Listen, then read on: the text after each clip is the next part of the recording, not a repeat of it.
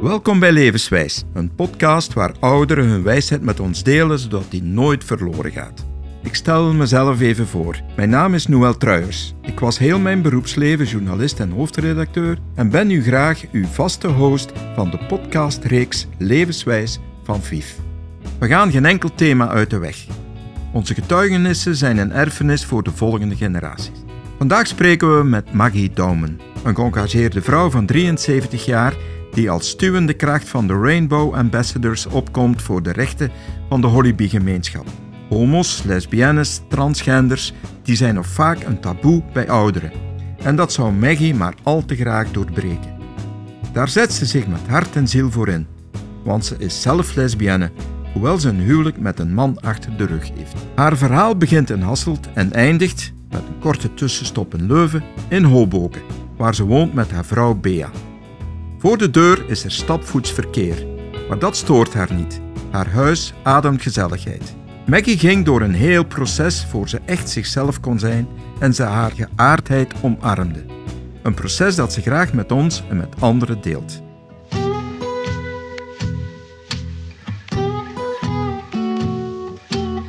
Maggie is geboren in Hasselt en heeft één zus. Haar ouders hadden een eigen zaak in het centrum van de stad. Als kind las ze graag en het was dan ook normaal dat ze zou gaan studeren. Ze koos voor godsdienstwetenschappen in Leuven.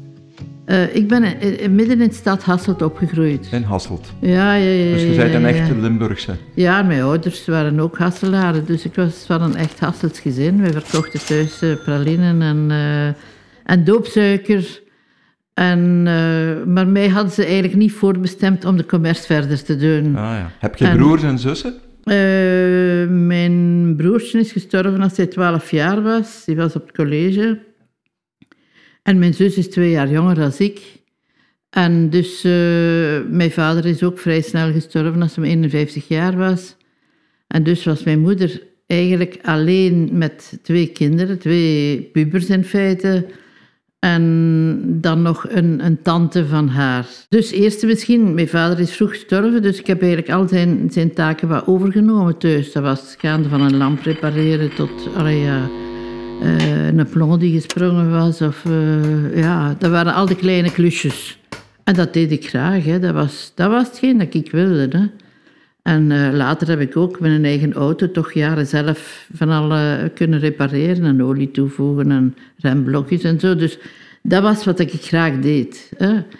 Maar, en dat klusjes, ja, nu is dat verminderd, maar uh, dat, heb ik nog, dat doe ik nog altijd heel graag. Dat is een van mijn hobby's eigenlijk. Hè. Dus, en als ik in Leuven zat, dan heeft mijn mama beslist van ik stop hier met, met de winkel en ik kom naar Leuven wonen die wou eigenlijk, uh, die zag dat er met mij van alles school en die dacht, ja, ik ga er toch bij staan in deze moeilijke periode. Dat was eigenlijk haar drijfveer. En heb jij kunnen studeren waar je wilde?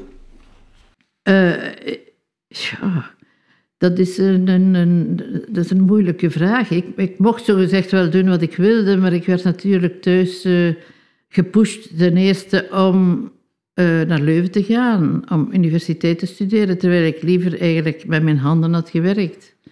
Uh, dan ten tweede, van welke richting. Dus ik moest eigenlijk al geen talen uh, kiezen, want mijn mama zei, ik heb Germaanse gedaan, ik heb lesgegeven. Kind, dat is u ontzaglijk veel werk op uw nek halen. Doe dat zeker niet. Ja, rechten. Ik kende eigenlijk niets van advocaten, of wij hadden daar eigenlijk geen connecties mee. Maar thuis zeiden ze altijd, als advocaat uh, moet je leren liegen en bedriegen, dus dat willen wij niet. Ja, dat is misschien heel simplistisch en zo, maar dus daar was al geen sprake van. En uh, ja, ik zat zo gezegd, ja, niet zo gezegd, ik, ik zat met heel veel, niet twijfels over het geloof, dat was eigenlijk al, ik had het geloof al vaarwel gezegd. Maar ja, ik zag dat eigenlijk toch bepaalde mensen in de wereld dat die grootste dingen deden in naam van het geloof. En ik dacht, ja, ik wil dat wel eens bekijken. Dus ik heb in, ik weet in mijn retorica, heb ik, ik denk, de ganse trek van theologie van Heideland, uh, boekhandel Heideland destijds, heb ik gelezen. Uh, toen was dat volop opkomst van de God is dood theologie. En dat interesseerde mij wel. Maar ik wist dat dat het einde was van het geloof. Dus gezegd, uh, godsdienst, dat is uh, eigenlijk uh, solidair zijn met de mensen rondom u en zo. Ja, en er komt geen God bij te pas, ja, dan, is dat geen, dan verdwijnt die godsdienst stilletjes aan. Dat was zo mijn mening. Ik ben een paar jaar gaan lesgeven, maar dat was helemaal niks voor mij. Ja, ik had, er was eigenlijk geen programma. En ja, het eerste wat dat die leerlingen vragen, dat is, ga je zondags naar de mis? En als ik zei, ik wil daar niet op antwoorden, ja, dan wisten ze ook dat ik niet meer ging. En ik had echt geen goesting om te zeggen ja. Ja, en wat moet je dan eigenlijk vertellen? Het studentenleven in die tijd was anders dan nu. Feesten en pintjes drinken hoorden er natuurlijk al bij, maar er werd ook gedebatteerd over sociale zaken, wat voor actie en reactie zorgde. Vooral dat laatste sprak Maggie erg aan, zodat ze zich engageerde. Dat engagement heeft ze ook nu nog, want ze zet zich steeds vuriger in voor de Hollyby-gemeenschap, meer bepaald de Hollyby Senioren. Ik heb mij in uh, Leuven studeerde ik godsdienstwetenschappen, terwijl ik eigenlijk niet gelovig meer was, al een heel tijdje. Maar gewoon uit belangstelling om te zien wat dat de, de godsdienst eigenlijk betekende uh, voor de maatschappij. Nu, ik ben eigenlijk heel snel uh, ben ik, uh, heb ik me aangesloten bij het studentenleven, bij de faculteitskring. Dus dat was daar niet van uitgaan en drinken de hele avond. Maar ik heb in elk geval op mijn, wacht, ik denk op mijn 20 ja, 20, 21 jaar, 20 jaar heb ik daar een pastoraal colloquium georganiseerd van twee, drie dagen in, uh, in Leuven. Over de kerkstructuren en zo. Dat was volop in de beweging van uh, priesters die zijn uitgetreden en ook uh, nonnen die zijn uitgetreden. Dus voor mij was dat eigenlijk een boeiende periode. En dan had je eigenlijk dezelfde tijd het studentenprotest. En dus in onze faculteit zaten meestal uh, priesters die terugkeerden uit de derde wereld en die eigenlijk vrij links georiënteerd waren. En dus uh, die bewerkte mij eigenlijk ganse dagen, want ik kwam uit een, een middenstandsgezin. Uh, ik was zeker serieus, bij ons thuis waren ze zeker voor een serieus sociaal engagement.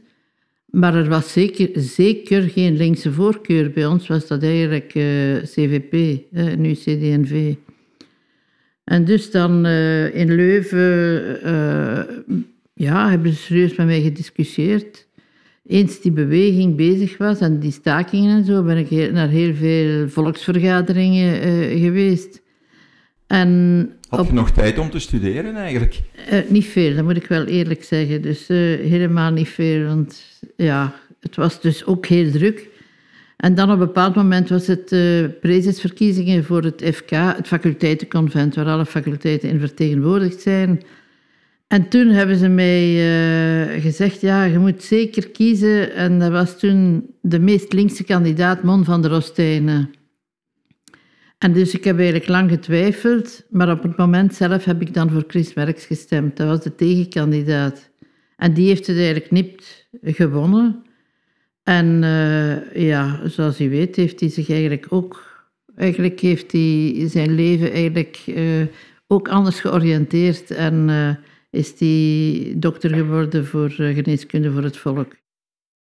Ja, die verhuis heeft te maken natuurlijk met mijn uh, engagement. Ik zou anders nooit gedacht hebben van naar Antwerpen te komen of zo. Maar uh, ja, hier lag eigenlijk een, een kern van uh, het, wat uh, de latere PvdA of de PvdA van nu geworden is. Dus, en ja, het laatste jaar dat ik in Leuven zat, dan zei ze tegen mij, ik weet, het was, het was Paul Grosses of uh, een van die leiders van de studenten, die zei, il faut choisir son camp. Hè? En dus ik vond dat eigenlijk zeer zwaar voor mijzelf. Hè? Want ik kwam uit een begoede familie en voor mij was de kant kiezen, kant kiezen voor de werkende klasse, ja, dat was eigenlijk een hele grote stap voor mij. Ik heb daar eigenlijk ja, heel lang over nagedacht. En dan heb ik die stap gezet. Ja, en de logische consequentie was dat ik daarin uh, actief werd. Want voor mij was een plan uitgestippeld dat ik eventueel een eerste vrouwelijke pastoor zou worden in, in, uh, in Vlaanderen. Of dat ik, uh, ja, dat ik toch een belangrijke job zou krijgen in de kerk. Maar dat zag ik helemaal niet zitten. Zo. Om terug te komen waarom dat ik mij daarin engageer. Van de meeste LGBT-senioren, die hebben eigenlijk schrik van een oude dag omdat hoe dan ook, uh, veel mensen, ja, als ze met een partner hebben samengewoond, een van beiden overlijdt en dan zitten ze daar. Ze hebben onvoldoende sociaal netwerk uitgebouwd. En dan moeten ze ja, alleen naar een dienstencentrum, alleen naar een seniorenvereniging en later misschien alleen naar een woonzorgcentrum. En dan hebben ze schrik, ze durven gewoon niet voor zichzelf opkomen en zeggen: Mijn vrouw is overleden, of mijn partner, een vrouw is overleden of zo. Dan denken ze: Ja, ik zwijg daar maar over en ik doe gewoon mee. En dat vinden we eigenlijk, dat is eigenlijk helemaal niet leuk, want dan moet je een dubbele rol spelen en uh, uh, dat is echt niet goed. Toen Maggie opgroeide, werd er niet over seksualiteit of geaardheid gesproken. Dat was een taboe. Eigenlijk was ze er zelf ook niet zo mee bezig, maar dat veranderde op haar veertigste. Ja, ik zat in een meisjesschool toen, hè, dus er waren geen jongens op school. Mijn broertje was gestorven, eigenlijk twee broertjes, dus ik had, ik had eigenlijk weinig contact met, met jongens. Ik weet, in uh, retorica is dat de eerste keer, dat was de allereerste keer dat er een gemengd bal georganiseerd, of dat er iets gemengd gedaan werd op uh, Chrysostomos. En uh, dat ik met college heb onderhandeld daarover. Dat waren de eerste jongens die ik zag. En dan heb ik nog eens een danscursus ook met jongens of met mannen gevolgd en zo. Ja, in Leuven was dat de meerderheid jongens, maar Weet je, ik kon daar heel goed mee samenwerken, dus daar had ik echt geen enkel probleem mee. En, uh, maar eigenlijk om te zeggen, werd je daar verliefd op? Nee. En ik weet dat thuis, mijn, mijn zus die zei altijd, Magie, uh, ik, uh, ik ben voor de mannen. Om duidelijk te maken dat ze wel wist dat ik voor de vrouwen was. Dus ik zag ook in school dat er lesbische nonnen waren. Ik had een homo-leraar. Maar eigenlijk sta daar nooit bij stil. Goh, zou dat eigenlijk ook iets zijn voor mij of zo? Daar heb ik eigenlijk geen moment toen aan gedacht. En eigenlijk is het pas, denk ik, van op mijn twintig jaar of zo, dat ik eigenlijk voor de eerste keer echt heel fel verliefd ben geworden op uh, een andere vrouw. Ja, in de veertig, op het moment dat ik de beslissing heb genomen. Dan was dat voor mij duidelijk. Natuurlijk dat sommige mensen die mijn eh, leven zagen, zeker in het begin, in de beginjaren vooraleer dat ik getrouwd was met een man, ja, die dachten wel dat ik lesbisch was, maar die hebben mij dat nooit gezegd om te beginnen. Uh, ja, dus nee. Ik dacht, ik dacht toen, dat is volkomen normaal. Ik had er eigenlijk geen probleem mee. Dat ik vrede met een vrouw en zo. Ik, ik zag er eigenlijk geen graden in. Nee, ik dacht toen wel al, goh, zou ik eigenlijk in zo'n constellatie kinderen kunnen hebben? Dat zou ik eigenlijk wel fantastisch vinden. Maar ik heb dat nooit met iemand besproken, nooit. En dus, ja, als je dan de hetero weg opgaat, ja, dan zit je daarmee niet meer in je hoofd. Hè. Sinds 1 juni 2003 is het in België mogelijk om te trouwen met iemand van hetzelfde geslacht. Het hetero-leven was tot dan de enige norm en dus trouwde Maggie met een man, net zoals velen van haar generatie. Dat was de gemakkelijkste en normaalste keuze en destijds ook de enige keuze waarin de mogelijkheid bestond om kinderen te krijgen. Iets wat Maggie absoluut wilde. Ja, we hebben eigenlijk nooit over homoseksualiteit horen spreken, hè? dus dat was in die tijd niet het geval. En uh, ja, dus ik wist niet wat is de waarde van die relaties, hoe zit dat? Ik had er eigenlijk geen benul van, laat het zo zeggen. En ik wilde kinderen. Dat was wel iets wat vaststond voor mij. Ik wilde wel kinderen. Hè? En dat was ook onmogelijk in die tijd. Als je homo of lesbienne werd, moest je daar eigenlijk niet aan denken. En uh, ja, ik was heel actief bezig. Ik, ik, was eigenlijk niet bezig met zelf een, een, een, iemand te zoeken, want... Maar thuis zei ze altijd, en zorg dat je geen oude jongdochter wordt. Hè. Je weet hoe ze zeggen in Limburg. En uh, thuis hadden we er een heel stel rondlopen van in de familie en dat wilden ze in geen geval. Hè. En mijn moeder, ja, die was alleen en die wilde zo graag kleinkinderen, dat wist ik ook. En uh, uiteindelijk uh, ja, is er een van de vrienden die ik had, die dat wel met mij zag zitten. En ik dacht, och ja. Wist je dat je toen lesbienne al was? Uh, ja, toen had ik dus een paar relaties gehad. En ik heb dat onmiddellijk gezegd, dezelfde avond dat zij vroeg om om te zien of we niet konden uh, samen, samenleven en zo. Dan heb ik gezegd, ja, maar je weet toch dat ik eigenlijk tot hiertoe op vrouwen ben gevallen. En dan zei hij, ja, maar dat is geen probleem, dat kunnen wij wel veranderen. want bij mij thuis, mijn moeder en mijn zus dachten dat ik bi was. Daar had ik tegen gezegd, ik ben bi.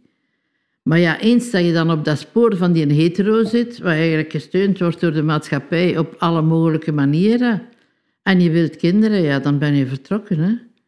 En dus het is maar als de kinderen 12 en 14 jaar waren, dat ik echt in een dip zat. Wat volgens mijn vrienden allemaal te weten was aan het feit dat ik veel te veel werkte. Dat was ook zo. Maar ja, dat was een vlucht eigenlijk om niet de hele tijd thuis te zitten. Hè. Dus we hadden minder en minder aan elkaar te vertellen. Zo.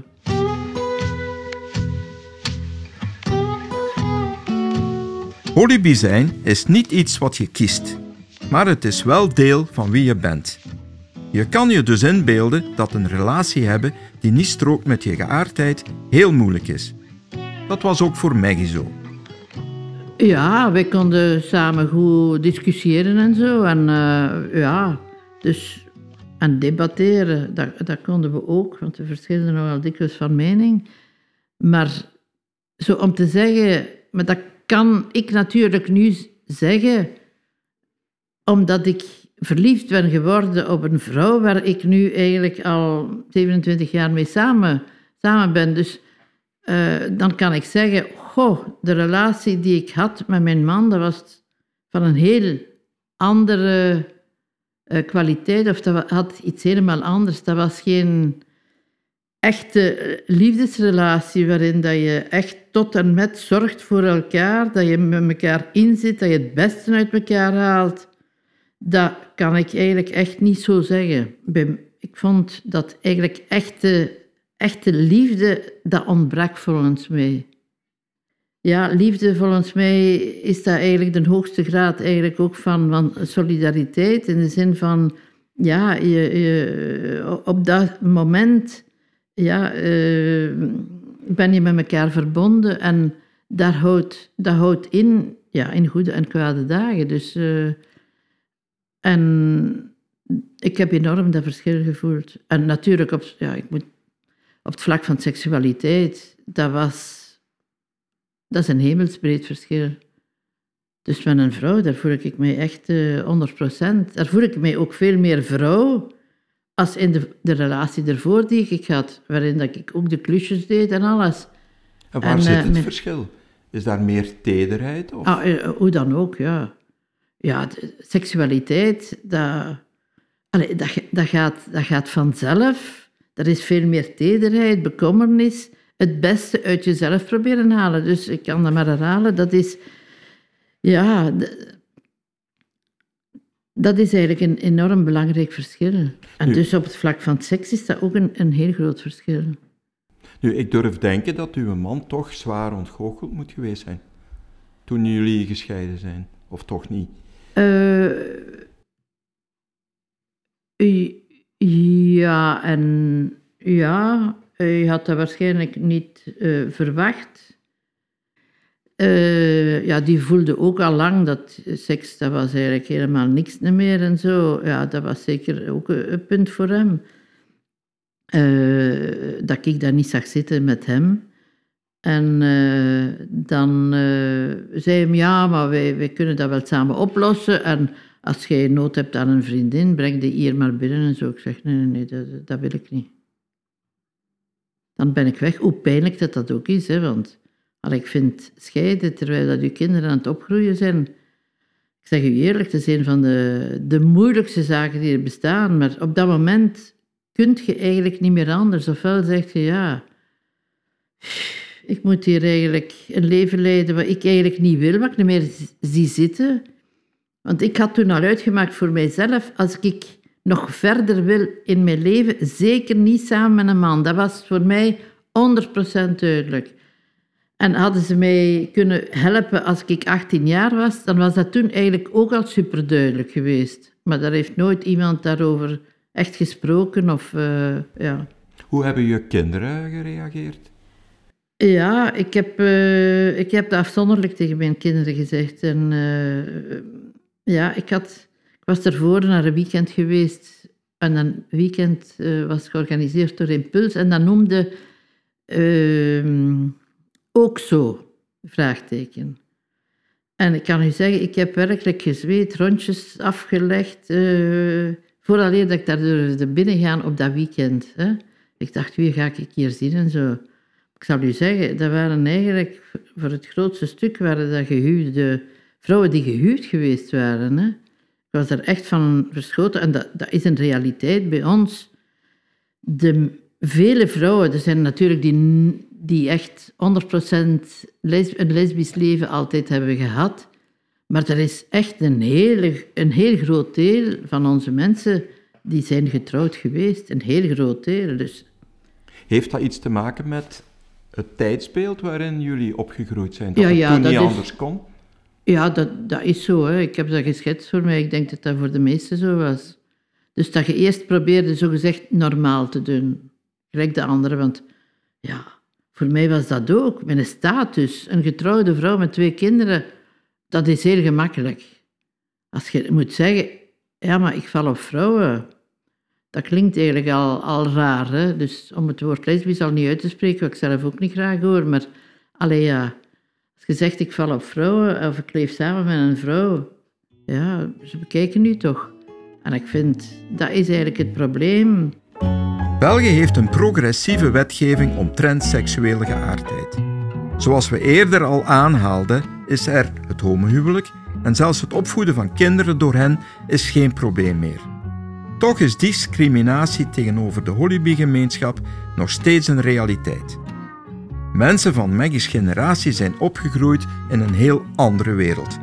Vroeger werd homoseksualiteit en transseksualiteit beschouwd als een ziekte Sommigen ontkenden zelfs het bestaan van homo's. Ja, dus uh, op vlak van wetgeving staat België eigenlijk vooraan. Uh, we hebben hier de antidiscriminatiewet, we hebben hier het uh, zogenaamde homohuwelijk.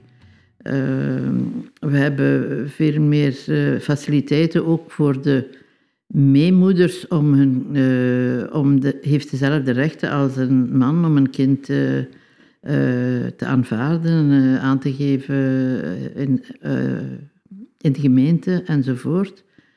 Heeft dezelfde rechten als de biologische moeder. Dus dat zijn eigenlijk allemaal punten van grote vooruitgang voor heel wat mensen. Dat wil niet zeggen dat alles is opgelost, maar dat zijn zeker grote punten van vooruitgang. Maar dus als we nagaan uh, wat de reële situatie is, dan zien we dat er eigenlijk in de geesten van de mensen nog niet zodanig veel veranderd is. Hè. Uh, dus wat zie je? Dat, dat uh, veel van mensen van, van onze leeftijd, die zijn opgegroeid, gelijk wij, in een volledig... dus die zijn daarin opgegroeid. Als we denken dat tot 31 jaar geleden dat homoseksualiteit nog in, door de Wereldgezondheidsorganisatie en als een, in, in de geestelijke gezondheid als een, een, ziekte werd beschouwd. En nog maar vier jaar geleden is de transseksualiteit daaruit geschrapt. Dus ja, dat betekent heel veel. Hè. Vroeger werd je naar de psychiater of naar een dokter gestuurd. Hè. Dus dat is duidelijk. Nu aan ziet men dat dus niet meer als een ziekte. Maar dat is eigenlijk vrij jong. Hè? Is dat met jou ooit gebeurd? Uh, nee, maar nee. ik ben wel eens gestuurd naar een psychiater, omdat ik mij eigenlijk heel slecht voelde. Nu, die mens heeft mij nooit iets gezegd, dus ik ben er eigenlijk heel snel weggegaan. Dus ik denk dat ik er twee keer geweest ben en dat ik dacht, ja, als die niks weet te vertellen, ben ik een keer weg. Ja. Dus uh, in die zin, nee. Discriminatie en agressie zijn zaken waar iedereen binnen de Rainbow Ambassadors gemeenschap jammer genoeg in meer of mindere mate mee in aanraking komt. De verhalen over personen die in elkaar geslagen worden omwille van hun geaardheid, die zijn nog steeds relevant.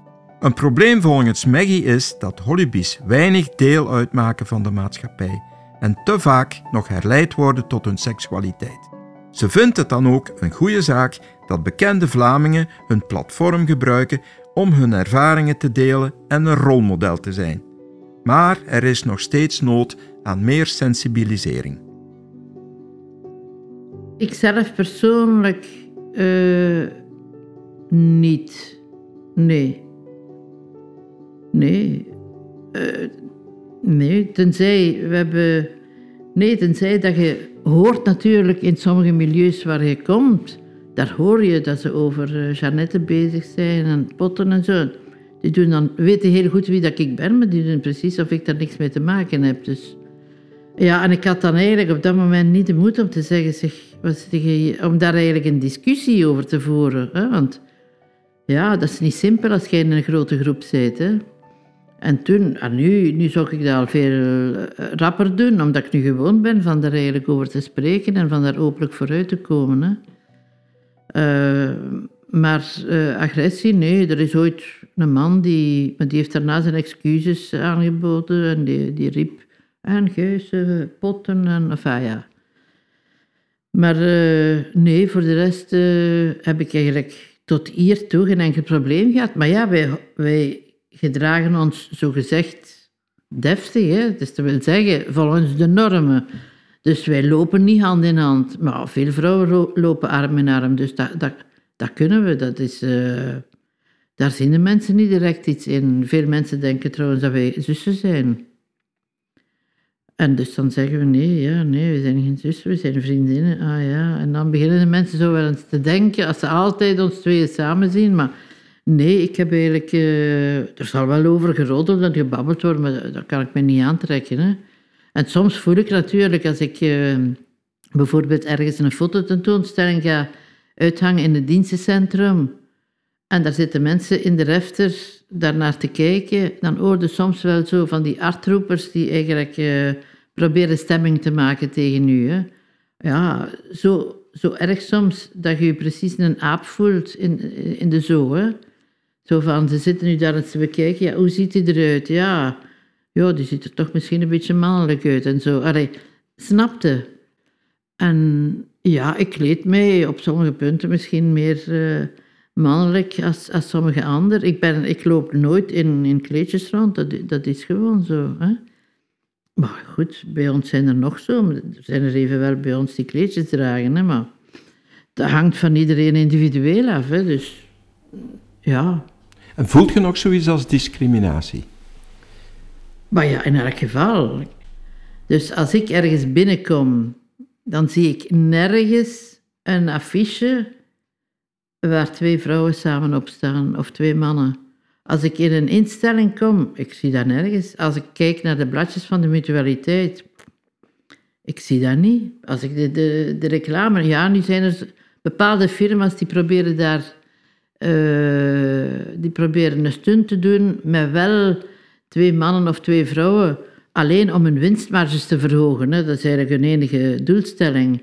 Maar voor de rest, nee, wij zijn eigenlijk. Uh, maken eigenlijk heel weinig deel uit van de maatschappij.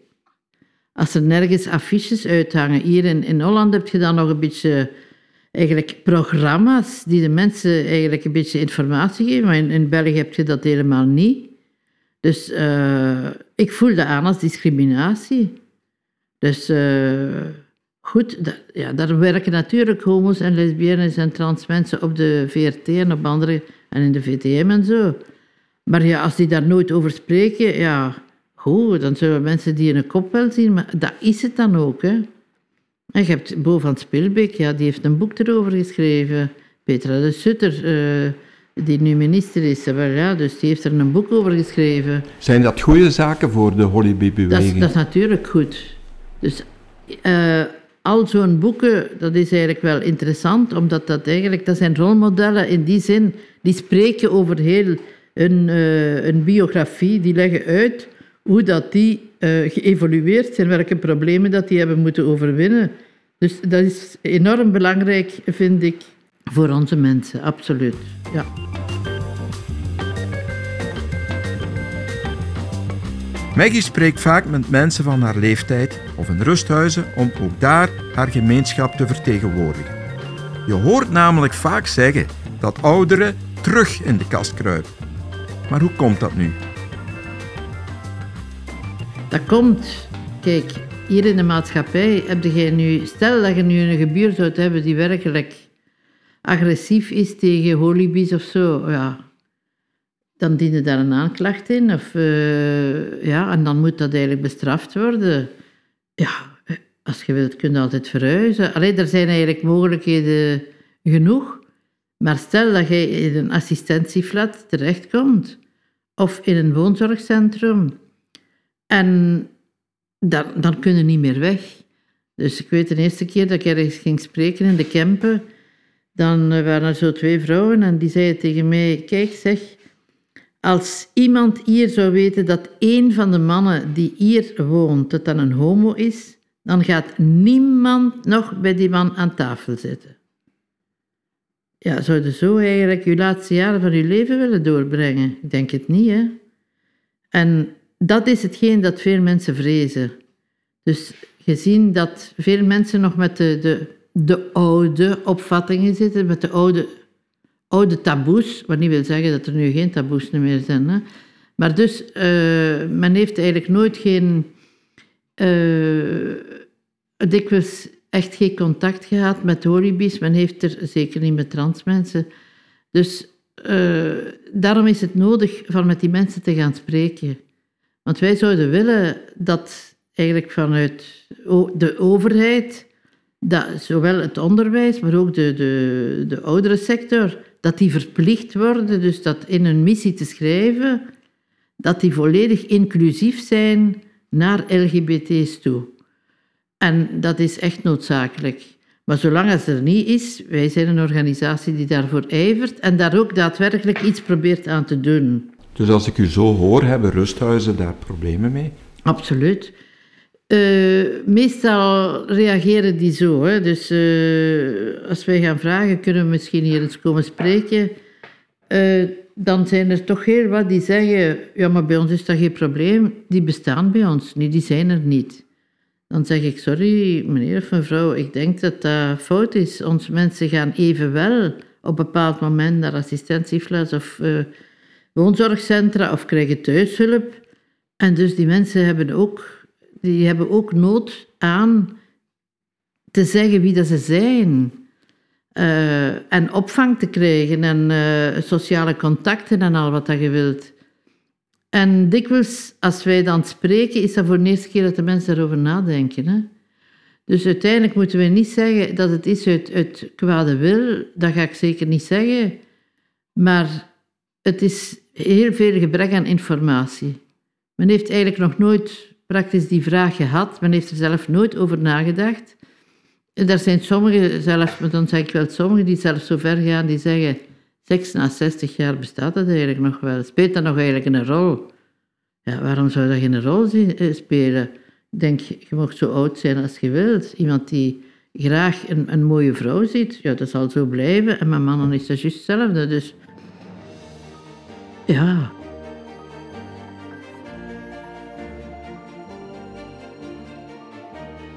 De keuze om zichzelf te zijn heeft Maggie bevrijd. Ze hoopt dat iedere persoon ooit diezelfde vrijheid voelt. Ze heeft nu een partner, Bea, die haar steunt in alles wat ze doet en voelt zich nu meer vrouw dan ooit. En dus uit de kast komen, ja, uh, voor de meeste van ons is dat eigenlijk echt een bevrijding. Dat is echt een bevrijding. Eindelijk kun je zeggen, voilà, dat ben ik. Zo Allee, zo ben ik, zo voel ik mij. Eh, zo, zo leef ik, zo... Allee, ja. Dus dat is enorm belangrijk. Maar ik weet heel goed dat veel mensen dat niet kunnen. Wie dat ik ben. Al is het lesbisch zijn maar één facet van mijn persoon. Hè. Dus uh, ik wil niet herleid worden, toch? Dat is nu een lesbienne, dat zegt nu alles over haar. helemaal niet. Er zijn heel veel andere zaken die ik kan opnoemen, die mij eigenlijk uh, kenmerken. En, uh, dus het is, maar het is wel een belangrijk facet van uzelf. Dus dat, dat, dat vind ik wel. Ja, we zijn praktisch van dezelfde leeftijd. Ze is ook getrouwd geweest. Ze heeft één dochter en nu één kleindochter. Ik heb twee kinderen, een, een jongen en een meisje. En ik heb vier uh, kleinkinderen. Dus ons leven met die kinderen en kleinkinderen, dat is al heel tof. Ja, ik, ik zal zeggen, vanaf de eerste dag heb ik bij haar een, een, een warmtegevoel gevoeld die ik zeker ervoor uh, miste. Dus uh, een warmte en een, een, een, een bekommernis. Zo van voelen van, ja, die zit eigenlijk wel in met mij. Hè? Dus die, die wil eigenlijk weten hoe dat ik het stel. Die wil eigenlijk serieus praten met mij. En die heeft het beste voor. En ik wilde dat ook wel doen tegenover haar. En ik, ik, doe dat ook. Dus uh, dat, was, dat was een enorm verschil. En dan, ja, op vlak van seksualiteit, ja, dat, dat, dat klopte gelijk in bus. Hè. Ik, heb, ja, ik heb me meer vrouw gevoeld als ooit tevoren. Dus het geluk van elke dag, ja, zij, ondersteunt mijn engagement, wat eigenlijk helemaal niet evident is, want ik, ik, ik zet daar eigenlijk ik, uh, mijn engagement voor de, voor de, de holibies en zo, dat is eigenlijk heel groot. En dus dat is, niet evident in de zin van, ja, zij had misschien heel dikwijls andere plannen met, met uh, haar leven voordat ze mij kende, uh, dan dat nu de, de werkelijk, dat dat nu reëel is. Maar goed, je neemt van elkaar een aantal dingen, die, die neemt je erbij. Dat, dat is evident. Bedankt om te luisteren. Ken je Vival? Het is een nationale socio-culturele vereniging voor senioren met tal van vrijwilligers en leden. VIF is een organisatie die de belangen van ouderen behartigt en ze verenigt door vorming, cultuur en ontmoeting. Willen jullie meer verhalen zoals dit horen? Pik dan andere afleveringen van Levenswijs mee. Je vindt ze op onze website levenswijs.be of op je favoriete podcast-app. Vergeet ook niet om ons te volgen en deel de afleveringen met je vrienden.